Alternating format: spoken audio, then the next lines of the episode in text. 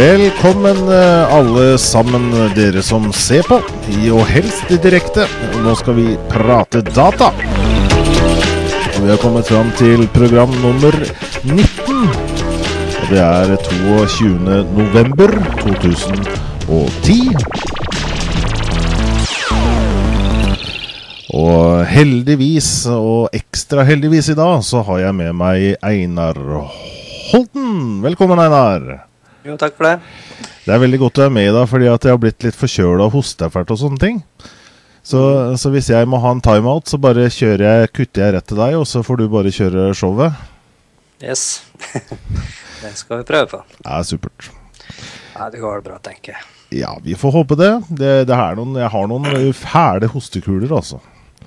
Men uh, i så fall så skal jeg prøve å mute mikrofonen min, så ikke det, jeg plager de som uh, ser på og hører på. Yes. For vi er jo ikke noe sånn at vi redigerer noe, vi. Eh, hvis, hvis, vi hoster og det kommer med, så er det alltid med liksom på opptaket også. Vi driver ikke og ja. klipper bort og lager det perfekt, vi. Nei, nei, nei. Live er live. Sånn, live er live. sånn er det. Ja, fordi at vi er eh, live. Klokka er nå passert 21.30. Og det som vi syns er gøy, er jo hvis det er noen som ser på eh, direkte, så har vi denne chatboksen under videoen her. Uh, der går det an å bare begynne å skrive, så skal vi følge med der. Og, og sette pris på å høre fra de som ser på. Enten om dere har spørsmål, eller om dere har kommentarer, innspill på det vi snakker om. Og uh, så er vi jo da i opptakt, som vi nevnte, da. Også på iTunes, på podcast og også på video, for de som vil se eh, videoutgaven i, i, opptak, så er alle sendingene våre slik de ble laget når de gikk live, tilgjengelig i, eh, i eh, Skal vi si i all ettertid, tro? Satser på det. Jeg lurer på hvor lenge disse opptakene blir liggende. Kanskje de blir liggende til vi blir gamle pensjonister. Det er nok ikke umulig. da kan vi sitte Einar, vet du, og se. vet du, og Husker du der og der var vi Der var vi ikke så grå i håret, sier vi sånn. Eh, vi har litt på lista vår i dag òg. Vi skal pløye oss gjennom en god del eh, topics i, eh, i, uken som har gått, og av interessante ting i media når det gjelder data.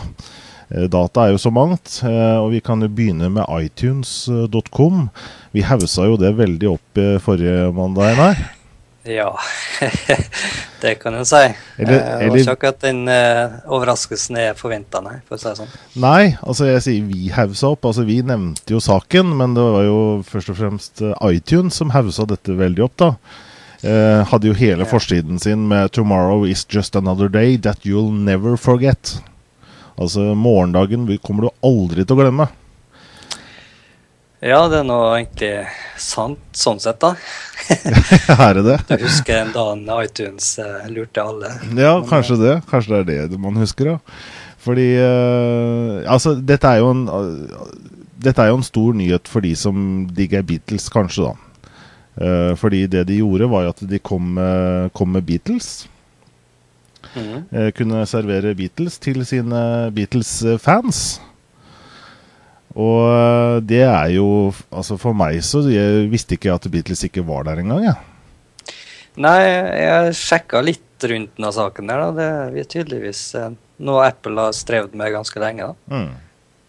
Så eh, det er jo godt for dem, da. Men det gikk jo rett til topps, Beatles, etter annonseringa, så. Det vil jeg tro. Jeg, nå, ikke, nå jeg, mener ikke jeg å snakke noe negativt om Beatles, for de har mye bra, de. Men det var liksom det at uh, forventningene var ikke helt i forhold til at de skulle bare komme med noe mer musikk, liksom.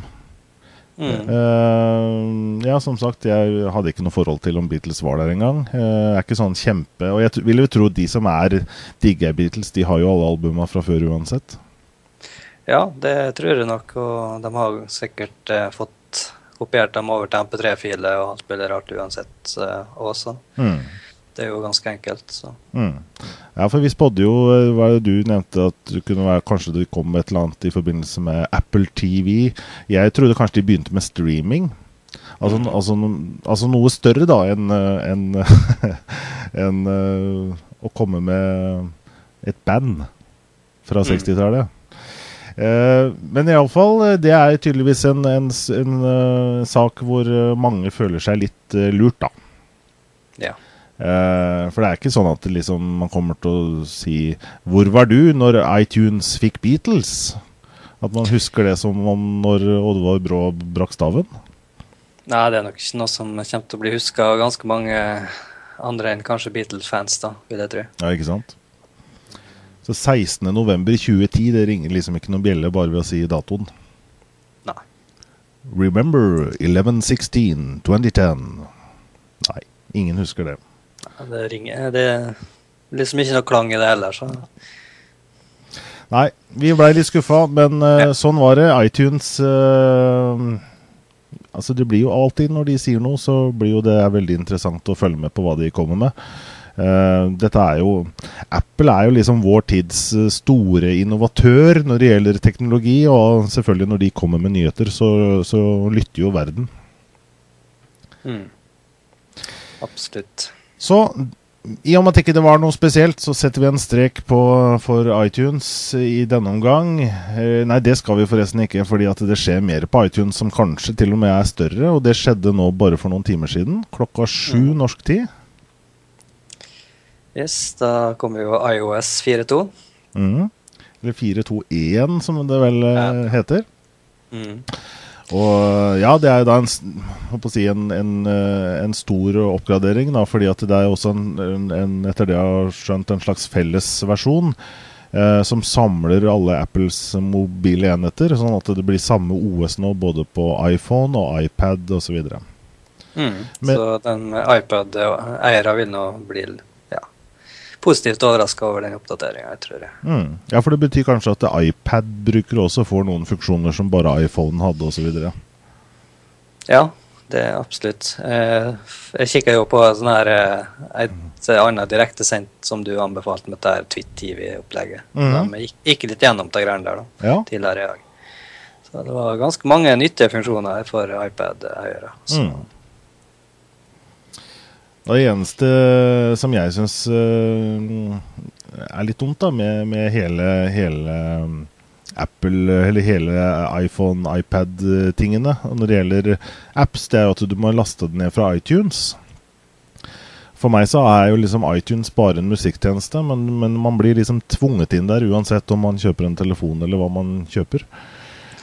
Ja, Apple bruker den som en ganske stor portal til sine enheter. Mm.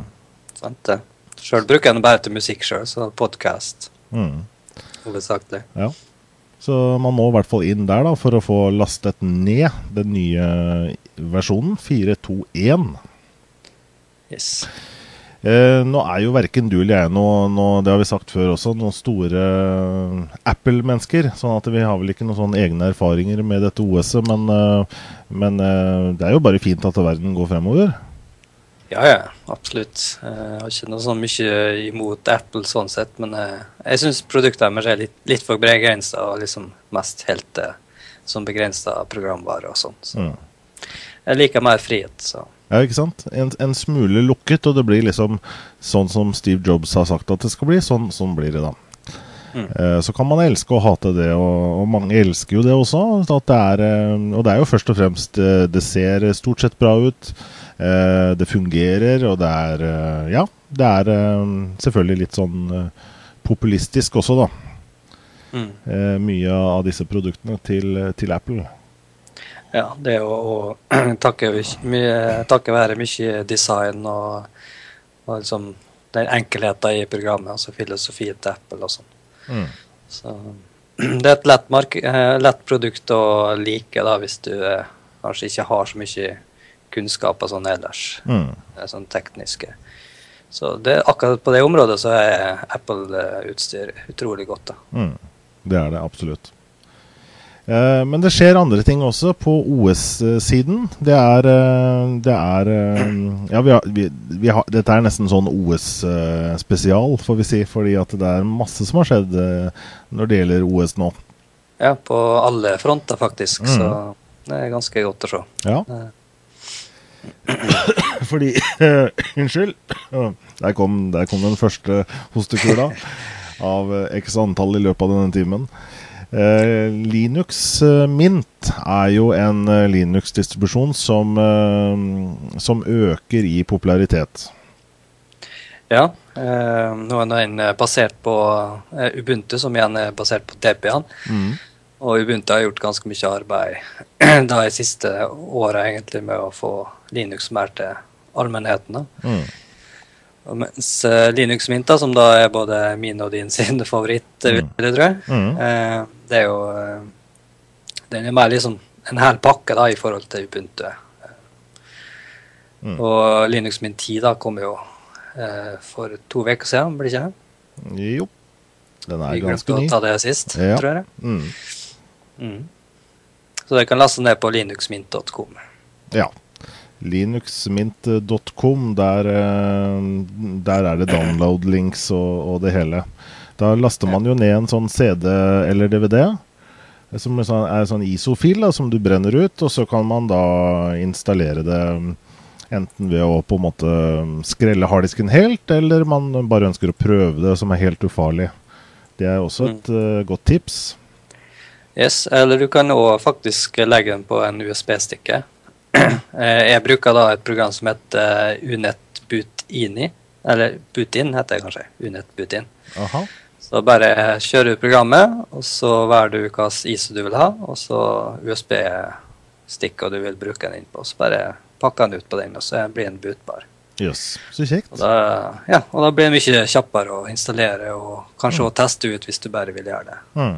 For uh, Fordelen med Linux er jo at du kan kjøre det uten å installere det på maskiner. Oh. Lettere å ta med seg også da, på en USB-stikk. Det har du kanskje på nøkkelknippet mm. likevel. CD-er er litt mer tungvint å ta med og, og ha med seg til enhver tid, da. Ja, absolutt. Det er mer, eh, mer nyttig å gjøre det sånn. Eh, mm. Pluss at USB-en i dag er ganske kjapt, så du får jo snart eh, diskhastighet eh, på enkelte. Selv om de koster litt mye, da. Mm, ja. Eh, ja, og eh, Digi var det vel? Nei, unnskyld. Din Side.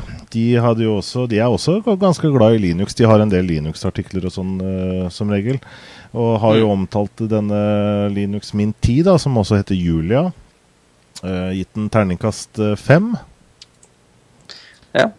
Og det de sier, er at det er et flott alternativ til Windows og MacOS. Svært kompatibel. Alt av nødvendig programvare er på plass, og det er gratis å bruke. Eh, mm. På det negative så sier de at det er en del dårlige oversettelser. Ikke alt av tilkoblede enheter som skrivere, skannere og lignende fungerer optimalt. Din side.no sier det. Ja, eh, det med oversettelse ja, det, det legger ikke så mye til eh, merke til sjøl, for jeg bruker nesten all programvaren på engelsk. da. Mm. Så, men det er jo ikke rart. Det er jo open source, det er jo frivillighet der, så mm. kvaliteten vil ikke alltid ligge så høyt som du kanskje forventer med proprietære program. Da. Nei, det er jeg enig i. Og, og, jeg har jo sett Altså, jeg har valgt norske bokmål.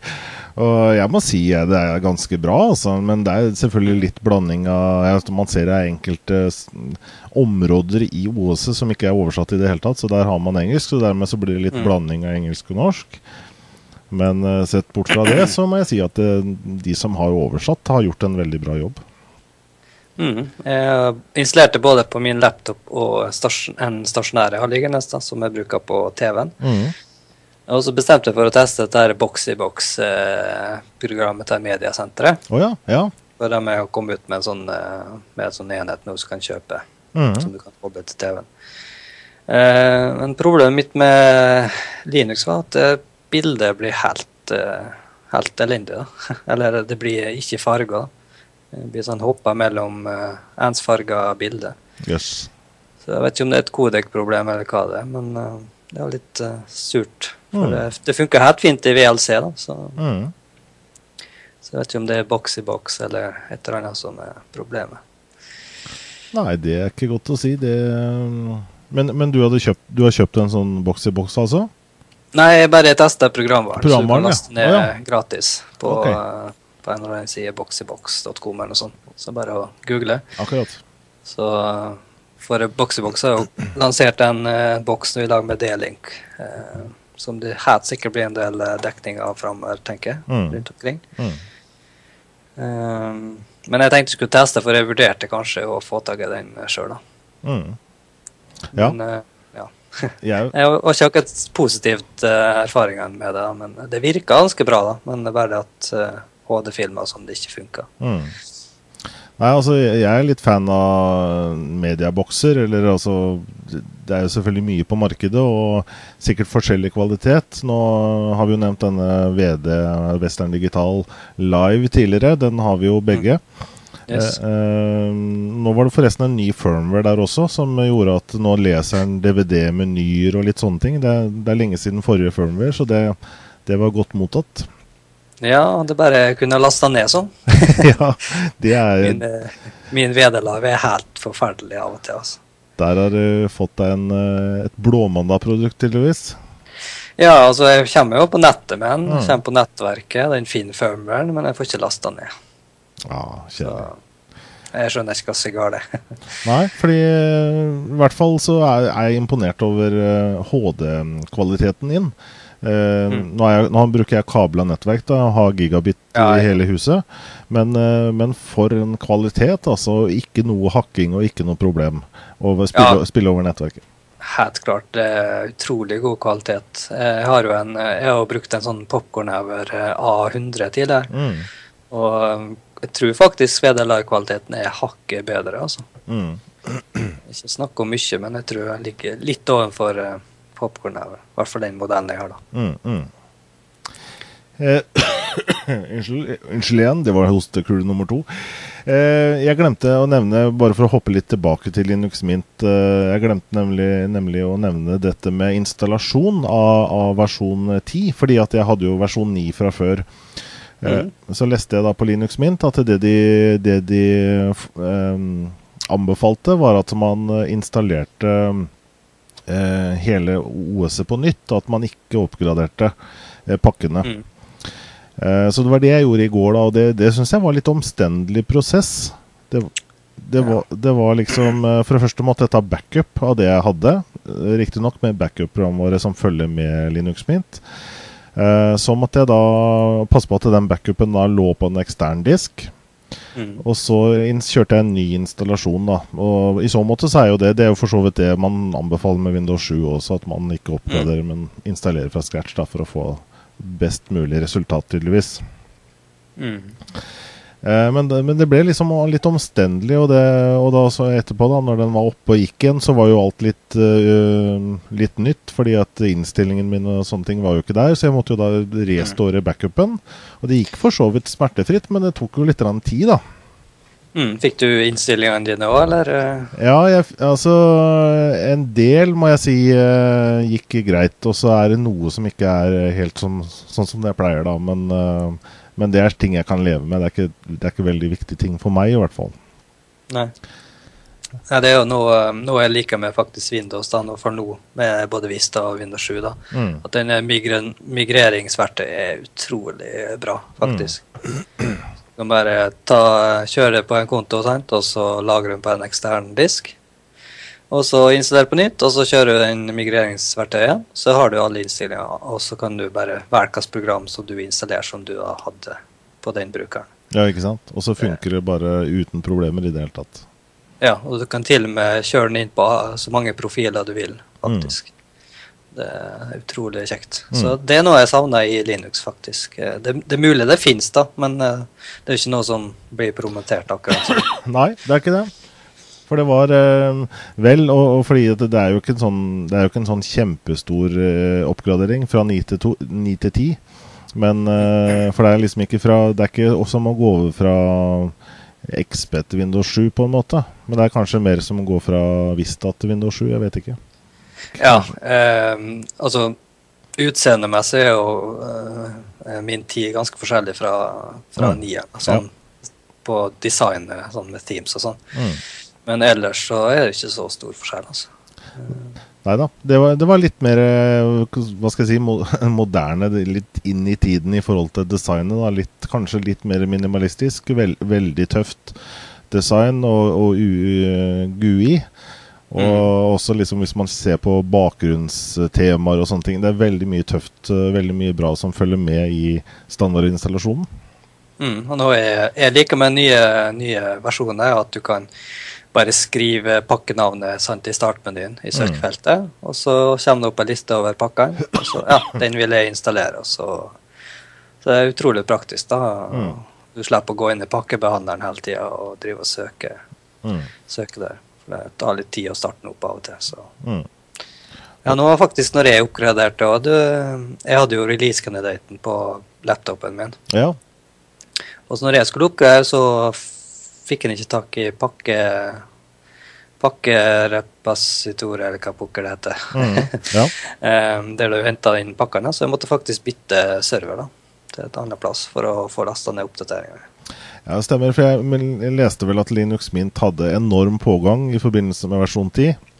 Mm. At mm. hele uh, serveren deres gikk ned for telling. De har aldri hatt så stor pågang som de hadde nå i forbindelse med slipp av Julia. Og dermed så var de selv ute og nevnte en ny adresse ja, som du måtte endre til da, for å få lastet ned. Ja, jeg husker når jeg bare ja, kanskje dagen før det kom, og at det var, det var nesten umulig å komme til den uh, sida deres. Mm. Faktisk nesten hele uka etterpå. Ja, ikke sant? Så det tok lang tid før jeg lasta ned faktisk full versjon. Mm. Det var faktisk ikke før uh, lørdag, faktisk. Nei. Det kan jo tenkes at Linux Mint får litt voksesmerter, fordi de, de surfer jo på Ubuntu, som på en måte er et langt større Ehm, større organisasjon da, enn Linux Mint. Mm. Og det er klart, når de får såpass pågang, så skal det noe til å ha en, ha en serverpark og sånn som kan levere, da. Ja, men det, det finnes jo løsninger på det. altså Hvis de vil, så Det er nå bare å kanskje når de lanserer at de bare kutter ned sida, sant, her er nedlasting-link og ikke noe mer. da. Mm, ja. Og så har de bare et torrent tilgjengelig for en god stund. Mm, ja, det er sant. Så den som da tar henter ifra pakkebrønnene, eh, får tilgang, da, selvfølgelig. Mm. Så altså hvis de vil, så er jeg sikker de får til et eller annet. Så. Men eh, det, jeg syns det er egentlig godt å se at Mint ser ut som det, det er mer og mer populært. da. Ja. Det er en uh, distro jeg liker utrolig godt. Mm. Jeg også er sånn veldig sånn Det er en sånn likende eh, OS, og, og, det er vel det flere ser, da, tydeligvis, siden populariteten øker. Nå har jeg ikke sett markedsandelen i det siste, men det er vel DistroWatch, er det ikke det? Eh, ja, stemmer det. Som gir en slags indikasjon på hvordan de distroene ligger an. Og skal vi se her, nå ligger Mint på ja, tredjeplass, da. Mm. Det er jo en bra plassering. Vi snakker jo om at det er over ja, 100 pluss distribusjoner. Så en tredjeplass er ikke å forakte, da, men, og det er jo da under de store Ubuntu og Fedora. Yes, Fedora kommer med 14 for ikke så altfor lenge siden. Oh, ja. mm. Ubuntu er vel ja, kommer ut før, før Mint da, med sin 10. 10. Stemmer, ja. Da er det vel fram til april neste år eh, versjon 11.04, som er neste store versjon for Ubuntu. Da, så det vil nå, ta en god stund da, før, uh, før, det skjer noe nytt på Linux Mint også, selvfølgelig. Selv om de, de kommer stadig med pakker da, som opp, oppdaterer uh, disse, disse små småpakkene, for å si det sånn. for å kalle det det. Ja, det gjør de jo. Så Ubuntu 10.04 vil faktisk etter, så jeg kan huske komme med en del nyheter 11.04, ja. Altså, ja, det vil jo selvfølgelig uansett gjøre for hver versjon, men det skal jo komme noe litt mer drastisk med neste versjon. Mm. Nå, jeg husker ikke helt eksempler på det, men uh, jeg tror det, Ubuntu er i hvert fall flink til å presse Linux-distroene videre, syns jeg. Altså. Mm. Kanskje bedre enn de fleste. Det, det var òg grunnen til at det er så populært. Mm. Ja, fordi som bruker av Linux Mint, så vil jeg også rette en takk til Ubuntu, på en måte. Det er jo de som på en måte gjør en veldig viktig jobb da, for Linux-miljøet. Absolutt. Så eh, ja, den er tilgjengelig nå. Linux Mint 10. og Jeg installerte den i går, ikke noe problemer. Jeg bare tok litt tid fordi jeg skulle da kjøre tilbake, restore backupen osv.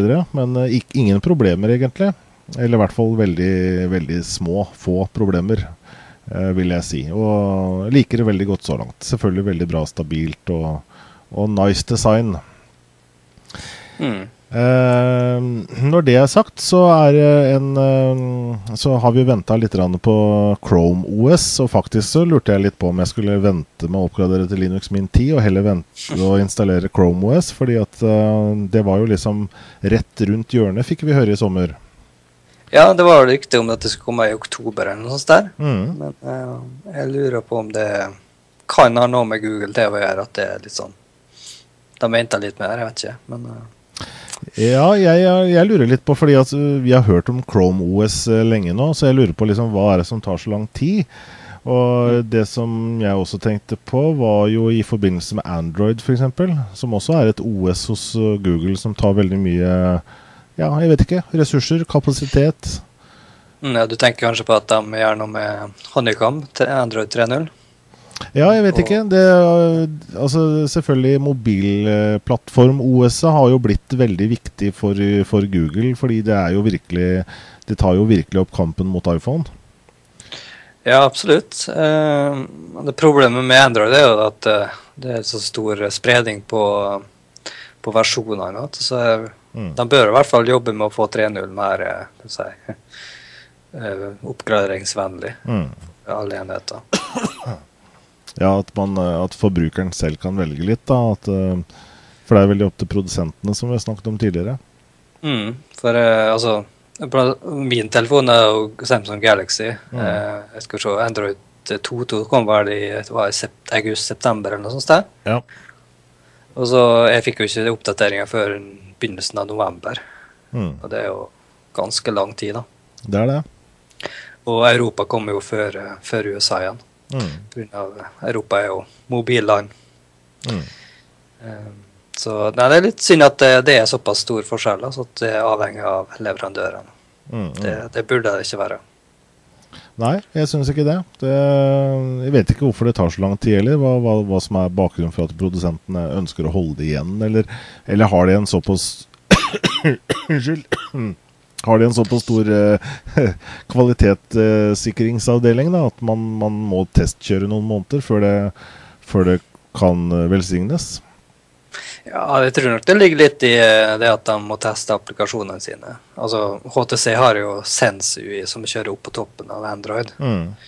Og så hvis det ikke funker, da, hvis folk oppgraderer, så er det ikke noe særlig, da. Nei, det er klart. Så, Tror, det ligger nå litt i det, da. Men mm. det er vel noe Android 3.0 skal forbedre. da. Mm. Det blir litt mer eh, oppgraderingsvennlig. Og så kunne det kanskje vært lettere å oppgradere, men, men allikevel at det på en måte er litt opp til forbrukernes eh, egen risiko å gjøre det. da. Og at mm. man har kanskje en mulighet til å eh, få, få, tilbake til opprinnelige opprinnelig fabrikkinnstillinger eller et eller annet, hvis, hvis det skulle skjære seg totalt. da. Mm. Men i hvert fall Chrome OS, uh, ukjent av hvilken årsak, uh, lar i hvert fall vente på seg. Det var en sånn Web 2.0-summit i forrige uke hvor uh, Eric Smith, dere vet han Google-sjefen, mm. han var da nevnte at Chrome OS er forsinket. Og at systemet ikke vil bli tilgjengelig da for lansering på minst noen måneder. Og sier altså ikke noe om forsinkelsen, men at det blir da ikke noe Chrome OS før jul. Uh, det er ifølge digi.no og ja, eWeek som hadde en artikkel med, med Eric Smith, da. Hmm. Så ja. Det er vel kanskje ikke så mye mer å si om det enn å bare smøre seg med tålmodighet. Ja. Det er jo Ja. Det, jeg tror ikke det blir noe sånn revolusjon sånn, sånn som vi kanskje enkelte vi Nei, jeg også har jo tenkt litt på det at eh, liksom, hva skal man forvente seg? Jeg har vel forstått at det er et, uh, et veldig sånn strippa OS. Det vil si at det på en måte stort sett uh, har ett hovedmål, og, og, det er å komme raskest mulig fra boot til nettleseren. Mm, det er jo webapplikasjoner det vil basere seg på. Så mm. jeg spørs bare om vi er klare for det. Ja, ikke sant? Det tror ikke vi er ennå. Nei. eh, så spørsmålet er jo om, om, om, man, om, det blir med Chrome OS som med eh, andre Google-ting som de har lykkes med. da, At det liksom Ja, selvfølgelig, det bare må vi jo ha. Det er jo bare så enkelt og så elegant. Mm. Eller om det blir som vi, sier, som vi kanskje tror, da, at det, det, at det er litt for tidlig, muligens. da, Bare liksom basere PC-bruken på nettskyen. Og innimellom så kan det være bra med gode native apps også. Yes, altså De har jo en uh, offline-funksjon, men uh, det spørs bare hva, hva gjør du hvis nettet går. da? Hva, skal du ha et nytt program, da, så er, jo, da er du ikke her. eller om du kjører offline hele tida, så mm. det er ikke så mye du kan gjøre. Nei. Så det kan bli litt interessant å se hva som skjer, da. Men det, det er jo helt, helt sikkert starten på et eller annet. Så. Mm. Du blir i hvert fall like avhengig av nettet da, som, som PC-en er avhengig av strøm, liksom? Mm. Kan godt si det på den måten, ja. Så det er ikke bare strøm lenger, men du er avhengig av nettverket. Og for å kunne bruke det, så blir det liksom flere faktorer som må fungere. Mm. Jo flere det er, jo større sjanse for at noen gang har det. Så. Mm. Yes. Nei, men eh, jeg venter i hvert fall spent på uansett. Jeg er jo teknofrik, så jeg vil jo jeg vil jo teste sånt. Ja. Og om man ikke bare skreller parti, partisjonen sin helt og kjører på og lukker øynene og bare håper at dette blir, blir, så bra, så går det jo an å kjøre det virtualisert med enten virtual box eller VMWR eller annen type software. Eh, for, å, for, å, kjøre, eh, installere dette her på, sånn at man får testet det da, til, til en viss grad, i hvert fall.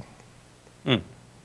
Selv om akkurat Chrome OS kan jo være morsomt å ha på native på harddisken, sånn så du virkelig får testa hvor kjapp han booter også. Ja. Vel, vel. Ikke noe før jul, så der får vi bare notere oss Chrome OS en gang på nyåret, sånn at vi kommer sikkert tilbake til det, da. Det gjør vi nok. Ja. Eh, men mer på OS-fronten. Det har jo vært et aldri så lite Ja, i, i bryllupssammenheng så er det vel sølvbryllup Uh, dette er i hvert fall 25 år.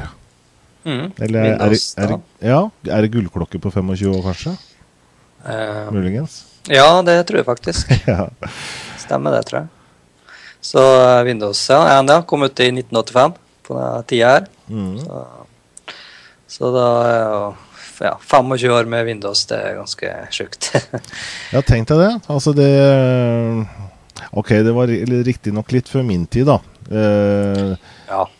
I 85 så var det jo mye Commodore 64 som gjaldt. Ja, eh, jeg begynte med Commodore 64 noen få år etter der. Jeg tror det mm. var rundt 88, tror jeg, mm. faktisk. Mm. 80-tallet for, for uh, mange i vår generasjon gikk jo på dette her med uh, produkter fra Commodore. Eh, Commodore 64 var en kjempehit, og Amiga 500 etter hvert, da, som mange oppgraderte mm. til. Så var det flere Amiga-versjoner også, men eh, PC for meg det begynte ikke før da på tidlig 90-tall. Og da, mm. da, hadde vel Windows kommet opp i 3.11, tenker jeg. Ja, det var 3.11 som egentlig ga Windows det boostet da, mm. videre. Da kommer jo Windows eh, for private, som var 311, og så har du jo NT, mm. som nå kommer rundt samme tida til mm. bedrifter. Mm. Um, så, men uh, Windows kom jo med revolusjonen med at uh, altså, du, folk var jo vant med DOS. Mm, ja. så bare, du kunne liksom bare kjøre ett program om gangen, så mm. Windows endrer jo det. Ja, men uh, Windows uh, Som du sier, det tok jo liksom ikke ta av kanskje før Windows 3.11. Men hvorfor gjorde det ikke det? Fordi når jeg begynte med PC, så var jo DOS veldig vanlig. Uh, da på tidlig 90-tall. Og da hadde, jo, da hadde jo Windows vært ute i 6-7 år allerede.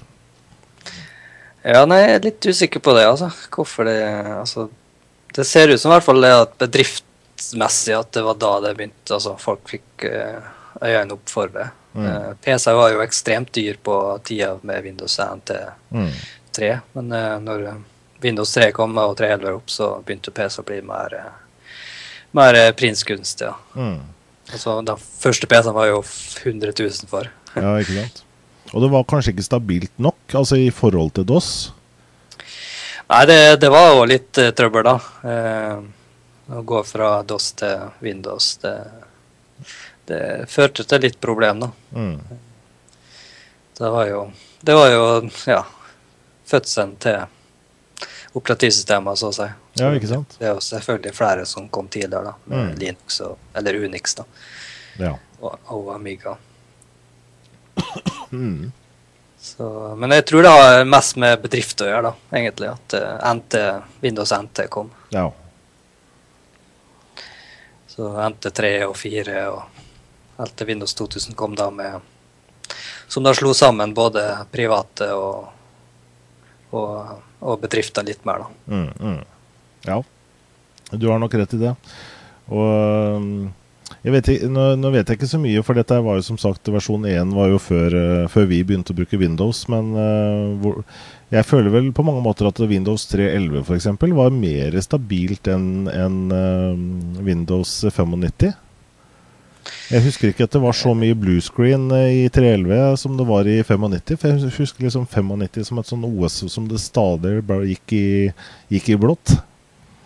Ja, det kan nok stemme. Jeg vet ikke om de får nok bluescreen før Windows 95. Nei, det, det konka bare, ja. Det ble bare ble ikke noe blått. Kanskje det var det? Bare gikk inn i DOS igjen. Mm. For uh, Windows var jo bare et lag oppå DOS igjen, så mm. det kjørte oppå DOS. Og det var, det var litt av problemet med at den var så ustabil. Ja, ikke sant. Det, det, gjorde de ikke noe med før Windows ME og 2000. da. Mm. Og vi så jo hvordan det gikk med Windows Millennium. Ja det var ikke noe fint syn. Huff a meg. Nei, det har ikke vært, uh, det har ikke vært gull alt som Microsoft har gjort, på langt nær. Men uh, noen genistreker har de jo selvfølgelig gjort, da. Det er ikke for ja. ingenting at de er et av, et av de største selskapene innen vår bransje, får vi si, i verden. Og kom, har jo fortsatt en fantastisk markedsandel med Windows 7. Og Lykkes jo godt med den, ser det ut til. da. Ja, eh, de ligger på rundt 90 eh, markedsandel på av PC som er på tilkobla nettet. Mm.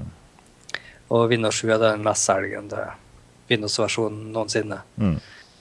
Så jeg vet ikke hvor mange millioner lisenser som er sært, men det er i hvert fall passert i hvert fall 200 millioner, tror jeg. Mm. Ja.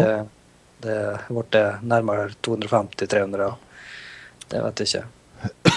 Det virker som de kan de kan i hvert fall prøve å reversere noe av liksom, eh, problematikken rundt eh, Vista og alle um, utviklingskronene som de tross alt har brukt på Windows 7. Det, det begynner de å høste godt av. Og det det er fortsatt mange XP-maskiner som fortsatt ligger og venter på oppgradering. Da. Det er mange eksemplarer til som skal selges over disk. Ja, XB har jo jeg tror det er halvparten av markedsandelen ennå. Mm. Eh, sånn cirka. Så det er utrolig mange ennå som Og XB dør jo ikke før 2014. Nei. Så, uh, XB med 3. Da. Mm. Så den er mye liv i ennå, men det, det er noen i hvert fall slutta å selge det i butikker. Da, så det, mm. det, er jo en, en, start. Ja, Så vet man at Windows 7 er ikke noe dårligere alternativ, kanskje heller et bedre alternativ. Eh, ja. En XP, hvis man skal velge i dag, da, hvis man kjøper en ny PC i dag. Ja, eh, hvis du har en ny PC, så bør du ikke legge en XP bare fordi du syns XP ja, er bedre, for du er vant med sant? Nei, ikke sant?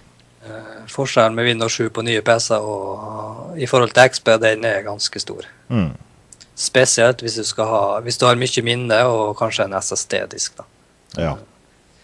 Da, for Windows 7 er laga til for å, for å bruke minnet godt og da tar jeg og støtter SSD-disker, så at ikke tar livet av dem, sånn som XP kan gjøre. Mm. I, I, hvert fall i forhold, da. Mm. Eh, hva, vil, hva, vil, du si mens vi er inne på Windows 7, da? Eh, hvis du har valget mellom 32 bit og 64 bit? Da er jeg 64 bit. Mm. På grunn av minnet, eller er det andre ting også?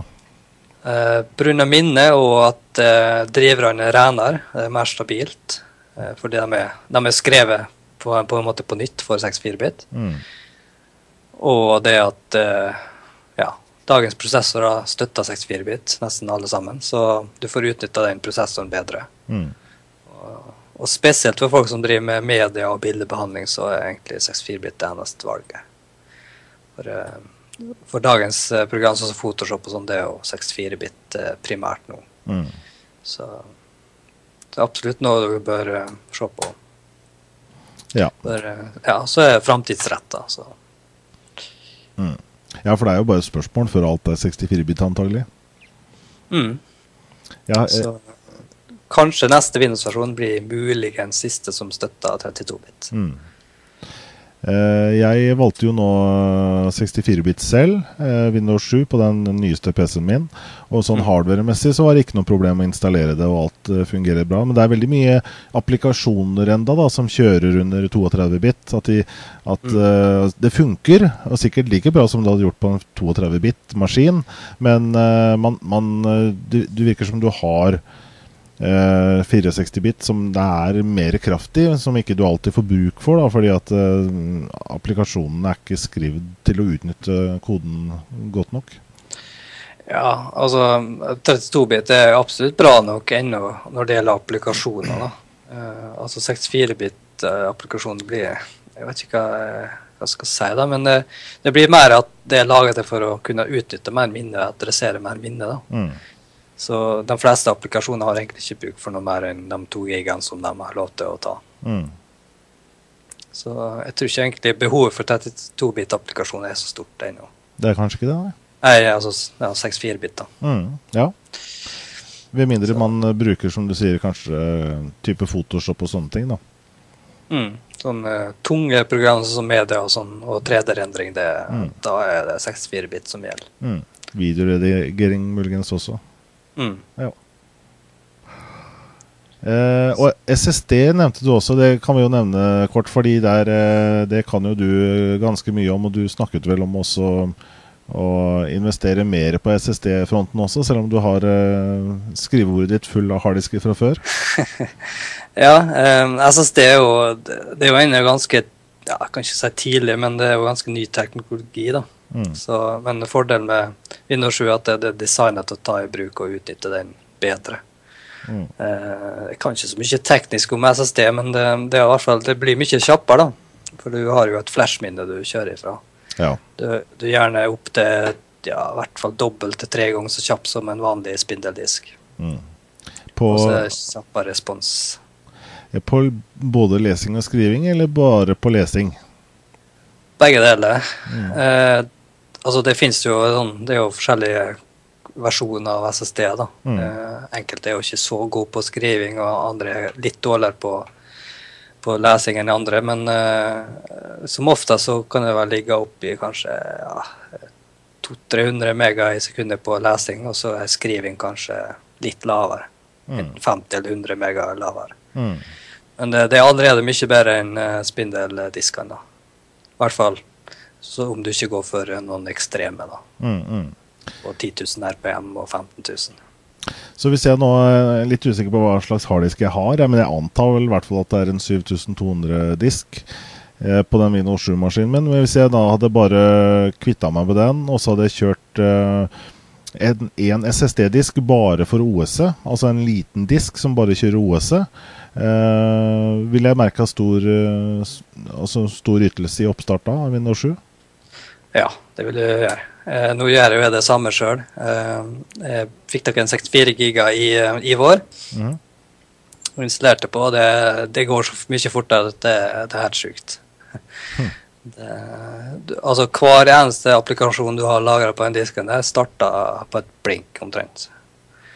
Og min sin disk var ikke engang en rask en, egentlig sånn sett fra sånn topp moderne disker. da. Mm.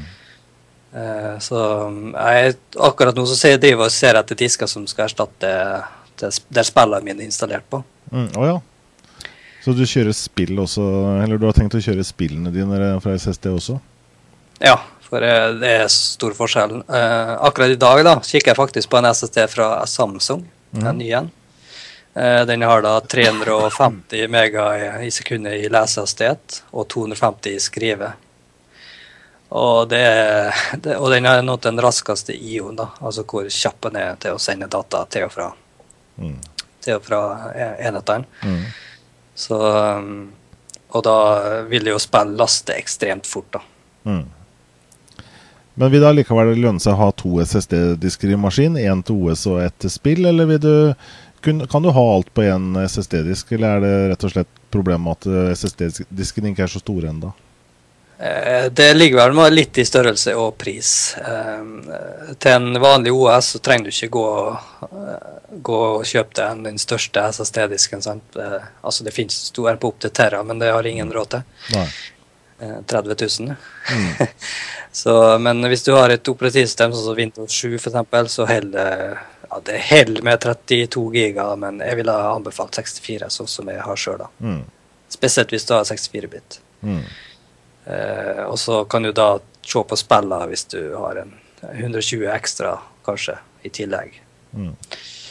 Men eh, jeg tror de fleste primært bruker SSD til OS, og det, akkurat nå så er det egentlig nok, da. Mm, mm. Og, og, hva snakker vi om i pris nå, da, for en sånn uh, standard SSD-disk? Uh, ja, de fleste ligger bare rundt 1500-2000 for uh, kanskje 64-120 giga. Mm. Som regel. Men det, det, er så, det, er så, mange disker nå at det, du må nesten se litt an hva du, hva du skal ha. Altså Ønsker du toppytelse, så må du litt høyere opp i pris. da. Mm. Gjerne 500 til 1000 kroner mer, kanskje. Mm. Og ønsker du gigabyte for pengene, så er det jo en tradisjonell harddisk fortsatt, da, men er det hastighet og ytelse, så er det SSD tydeligvis da som, ja. som uh, man må ha. Ja, eller du kan gå midt imellom og få tak i en hybrid. da. Ja, ikke sant. Som er uh, både, Jeg vet ikke helt hvordan den teknologien er, men det er i hvert fall både flash og platelager da, i en og samme boks. Mm. Den bruker da spinndel som vanlig lagring, mens den bruker SSD-delen, flashet, til, til cache. da. Mm. Jeg har en sånn til laptopen min da, som har 4 giga SSD-flash-minne eh, på. Mm -hmm. Som bruker til cache, da, og så en 500 giga spinndel. Mm. Da bruker en sånn små applikasjoner som lagres da på cashen, så det blir raskere å mm. kjøre. Mm. Men det har ingen innvirkning på store spill. For det overgår cashen, sånn at ja, det er ikke vits. Nei. Så det er bedre å kjøre rein SSD hvis det er ytelse man er ute etter? Ja, det er det. Mm. Ja, det var mange, mange, gode tips eh, der, eh, Einar. Det, det, fikk meg eh, egentlig litt lyst på SSD nå. Å bytte ut det er, mer, det er ikke så mye pengene, men det er mer jobben, føler jeg. Å reinstallere alt sammen på nett. Ja, det er nok det, da. Men mm. jeg skal love deg, hvis du går for SSD, så vil du aldri se tilbake igjen. mm. det, det, skal i hvert fall aldri. Nei. Så da er, det, da er det garasjesalg på harddisker hos deg nå snart, da? I Ulsteinvik? Uff, ja. Jeg har nok harddisker, ja, så det kunne godt ha helt et salg. Men, mm. uh, men uh, hvis du skal kjøpe SSD, så vil jeg vente i hvert fall til over nyåret. Hva sier du det? Er det noe som skjer da? Priser? Ja, det kommer nye modeller og nye teknologi nå rett rundt hjørnet. så... Mm. Pluss at det blir ofte salg over nyåret. Så mm. vent heller de, da. Ja. Bra. Uh, ja, hastighet uh, Det er jo liksom Vi går framover i årene, og vi blir eldre, og det, ting går mye kjappere enn det gjorde med gårsdagens teknologi. SSD nevnte vi nettopp. Vi nevnte OS-er som blir raskere. Nå er det jo da PCI Ekspress eh, som også kommer med altså PCI E3. Standarden versjon 3. Ja. Som da har Hvis du ikke vet hva PCI Ekspress er, så er det da det, den standarden skjermkorta bruker i dag. Mm. Hovedsakelig, i hvert fall. Så den eh, spesifikasjonen for 3.0 er nå endelig ferdig. Mm. Og da, er, ja, da blir det ganske teknisk, men uh, i hvert fall hastighetsmessig så, ja.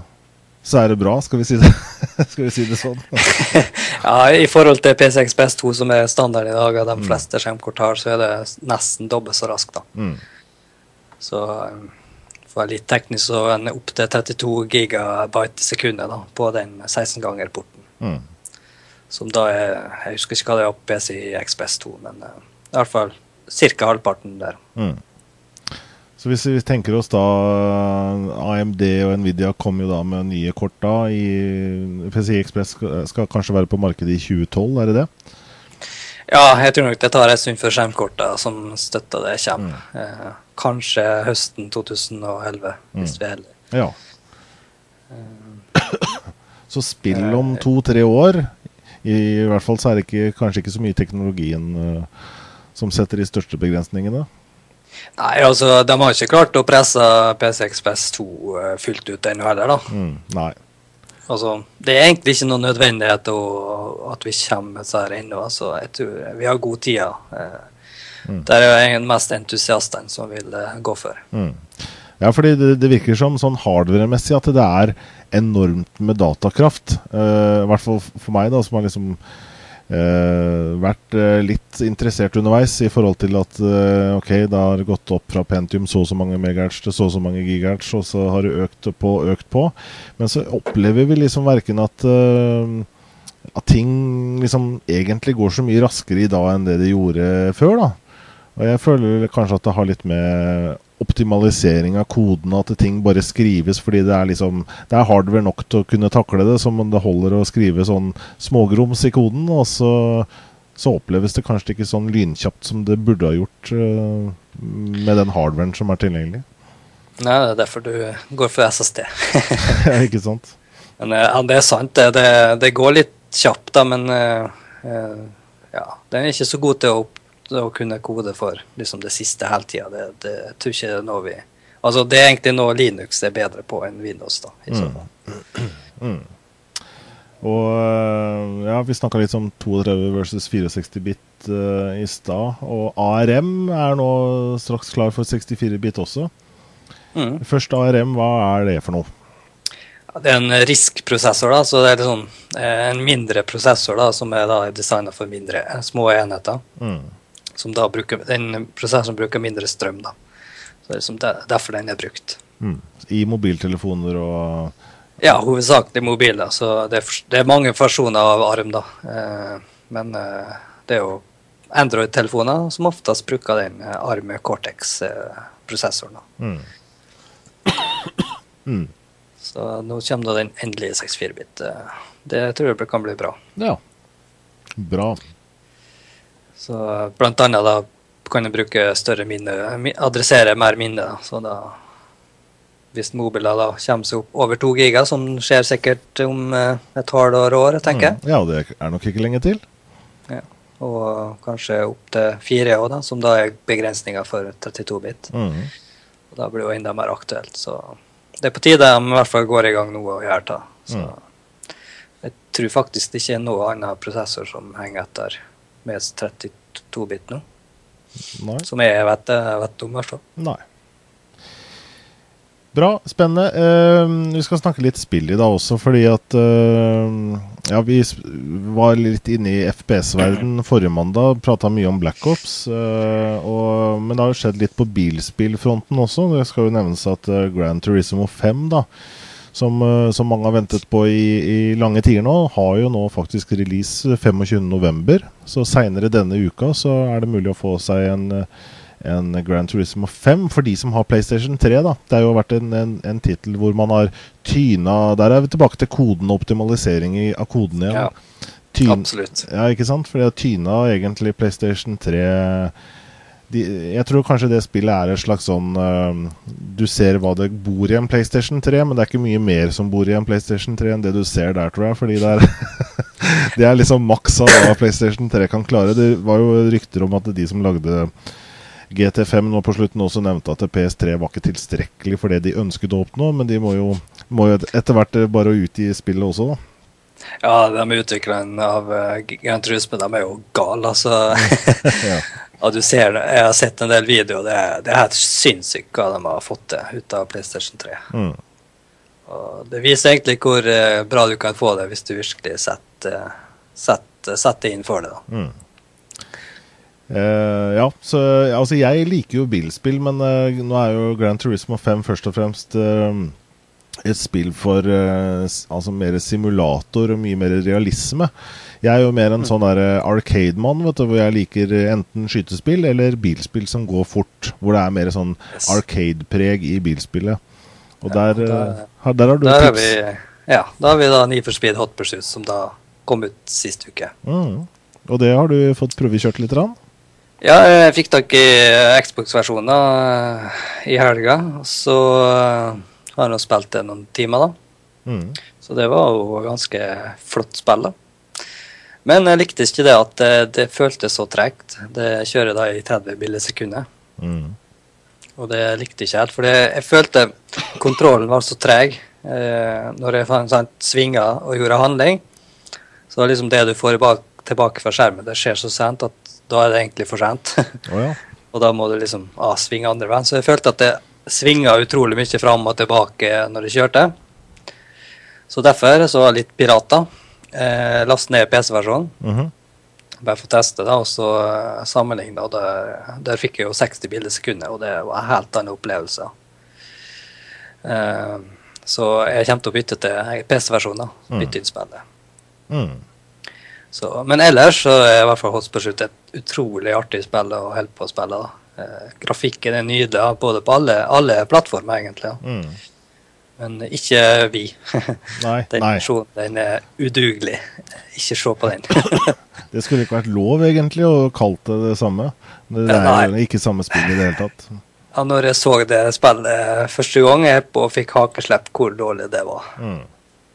Det ser ut som noen som laga uh, spillet på DS så bare blåste opp på vi. Det ja, ikke sant? Forferdelig. Det er utrolig at de driver sånt, egentlig. Det er samme gjør de jo på Call of Duty. Det kommer liksom Call of Duty til DS og vi og alt, men det er jo ikke, det er jo ikke Call of Duty. Nei, men uh, den til vi var faktisk ikke så aller verst, da. Den som kom nå sist med Black Ops. Okay. Uh, de har gjort en relativt god jobb, da, men mm. det er kutta ned litt, ja. Men uh, Need for Speed på vi, det Nei. Den utvikleren der har faktisk aldri laga spill for konsollene, stuekonsollene før. Så, så dere kan tenke dere hvor dårlig det er. Ja, men uh, men uh, graf grafisk og innholdsmessig så er det utrolig tøft uh, Need for Speed. da. Mm. spesielt den autologgen da, som alltid Altså den Du har en venneliste, sant? Mm. Hvis du kobler opp på PlayStation 3 eller Xbox. Og så Hvis en kamerat har kjørt den farta, sant? så får du melding ah, nå har en uh, venn uh, slått til tida di, så bare trykker jeg knapp for å konkurrere mot den. Å oh ja, mot den tida? Mm. Så det blir utrolig til konkurranse ut ifra det her, da. Hm. Så i helga så har jeg drevet og konkurrert imot noen på vennelista mi, da. Så det, det, var litt artig. Det vil jeg tro. Men er, ser du motstanderen som en slags sånn ghost, da, eller er det bare en tid du skal slå? Ja, det er bare tida, ja. Mm. Så, det, så det, er bare sånn event som altså, du kjører, og så mm. ser du hva tid du har. Mm. Og så kan du kjøre online, men det har jeg dessverre ikke fått gjort ennå. Nei, for det, det, er jo Nei, for det, men det er online er kanskje spillet noe redusert. Det er jo ofte litt forskjell på singleplayer og multiplayer. Ja, ja, jeg vet dessverre ikke. Nei. Og nå kommer til å få tak i PC-versjonen. så... Men det er bra, jeg har jo en wireless receiver for 360, så jeg bare plugger inn i TV-en, nei, bak i PC-en. Kobla TV-en til, eh, til PC-en, og så har jeg akkurat sånn som på 360. Mm. Så det, det, er kjekt. Det testa jeg litt uh, i går, da. Ja. Og forskjellen var Det er jo dramatisk forskjell, faktisk. Ser du det, ja? ja. Mm. Så ja, nei, jeg må si jeg må, jeg må virkelig få kjøpt meg Need for Speed. Altså. Det er jo Criterion. De er jo, de er jo flinke. Og grafikken ser bra ut fra, fra, det jeg har sett av skjermbilder og sånne ting. Da. Men så er jo det der med fartsfølelsen òg. Men da tror jeg i hvert fall jeg skal velge PC-utgaven, da. Ja, Eneste ulempen med PC-en er vennelistene, for det må jo egentlig begynne fra scratch. Mm, ok, ja. Mm. Så, mens PlayStation og 360 så blir en integrert med vennelista i i USA der, da. Ja, selvfølgelig. Så Men uh, nå kom ikke Jeg skjønner ikke hvorfor uh, ikke Need for Speed kom på Steam. Uh, helt, helt merkelig. ja. Jeg har jo vet ikke, 50-60 vennelister på Steam. Mm. hvor ideelt var ikke det det året? Ikke sant? Så nei, idiotisk. Merkelig. Ja. Eh, er, det, er, det, det beste Need for Speed-spillet? som er gitt ut? Uh, nei, det tror jeg ikke. Det er ikke nei, det slår ikke Porsche Unleashed ennå. Si det, ja. Mm. Det er Need for Speed 5. Mm. Der er bare 11 eller noe sånt. Eh, Hot Pursuit, er ikke det også en tidligere tittel i Need for Speed? Ja, eh, det Hot Pursuit var det tredje spillet i serien. Mm. Så eh, de har egentlig reboota franchisen der, da. Mm. Så mest sannsynlig så kommer det flere Need for Speed Hot Pursuit-spill. Mm i en nyere versjon. Så det er faktisk eh, to Hot Pursuit-spill før, før det her. Det er to også, ja. Og mer eh, fokus på biljakt, da, tydeligvis. Med, heller med politi i hælene. Ja, og det, uff, det blir så intenst nå i den nye versjonen at det Uff. Ja, for det er, bare, det er ikke bare pull over. Det er liksom helikopter og spikermatter og Ja, IMP og mm. IMP, ja. Det er avansert. ja, det, det, er litt uh, Du kan jo jamme dem, heldigvis, da. Så. Ja. Men ikke hvis den er helt på lada opp, så det er litt risky å bruke den. Hmm. Bra. Da, skal vi, da må vi prøve å få kjøpt oss uh, Need for Speed Hot Pursuit, så vi kan henge med. Og det har vært gøy å tatt et løp om kapp på direkten ennå. det kan vi sikkert ordne med. ja. Og dermed så har vi prata en hel time nok en gang med dataprat, og timen går fort når vi har det gøy. Og yes. vi håper jo at de som ser på, også syns timen går fort. Takk iallfall, Einar. Så ses vi neste mandag, eller hva? Det gjør vi. Ha det bra. Ha det.